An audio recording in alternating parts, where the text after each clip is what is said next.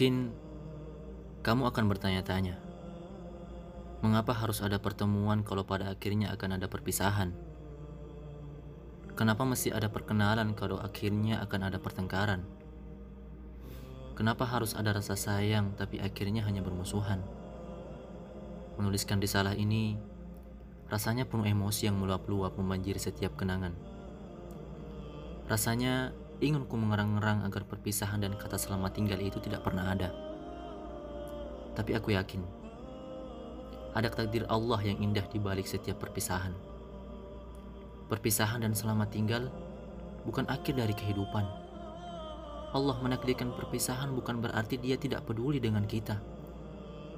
Tapi ia melakukan itu karena dialah yang lebih tahu apa yang terbaik untuk kita.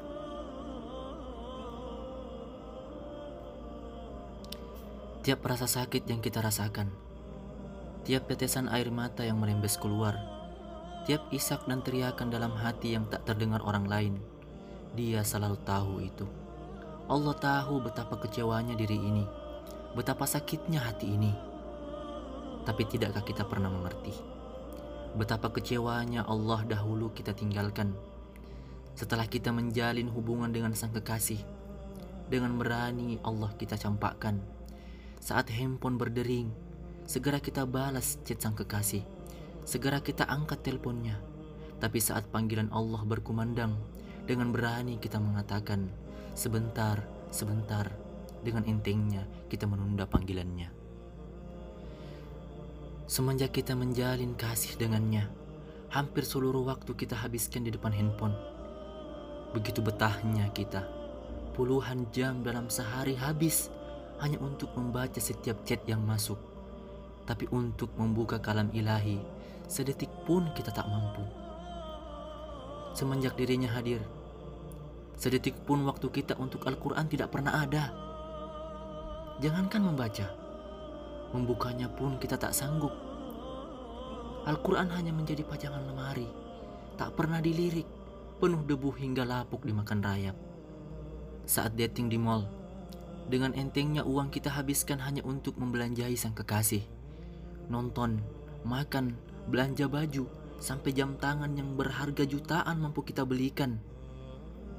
Tetapi ketika ada kotak amal berjalan, ketika ada pengebis mengiba pinta, ketika ada anak kecil di lampu merah dengan wajah kusam menjual koran, menegedahkan tangannya yang masih suci. Berapa jumlah uang yang kita habiskan? Berapa jumlah uang yang kita ambil dari dompet? Berapa rupiah yang kita sumbangkan untuk pembangunan masjid? Seribu rupiah, dua ribu rupiah. Mungkin, mungkin yang pantas kecewa itu Allah. Karena dialah yang selama ini memberi kita penghidupan, udara yang kita hirup, rezeki yang kita makan tiap hari semua itu berasal darinya. Namun apa yang telah kita persembahkan untuknya? Apa yang telah kita lakukan untuk membalas setiap kebaikan Allah? Tidak lebih tidak lebih hanya sebuah kekecewaan yang kita persembahkan untuknya. Sholat sering kita tunda, Al-Quran kita abaikan, sedar, sedekah jarang. Tapi begitulah Allah, rahmatnya terlalu besar untuk kita hambanya. Hingga kekecewaan yang begitu besar, dia balas dengan kasih sayang memaafkan setiap kesalahan kita. Sampai saat ini, mungkin perlahan kita mulai mengerti Mengapa kecewa dan rasa sakit itu ada? Mengapa perpisahan itu terjadi? Tidak lain karena Allah ingin kita segera kembali kepadanya. Mungkin kita sudah terlalu jauh melangkah sehingga melupakan setiap perintah-perintahnya. Rasa sakit dan kecewa sengaja Allah hadirkan sebagai penegur agar kita segera kembali, kembali khusyuk dalam ibadah dan kembali bermesra dengannya dalam setiap doa.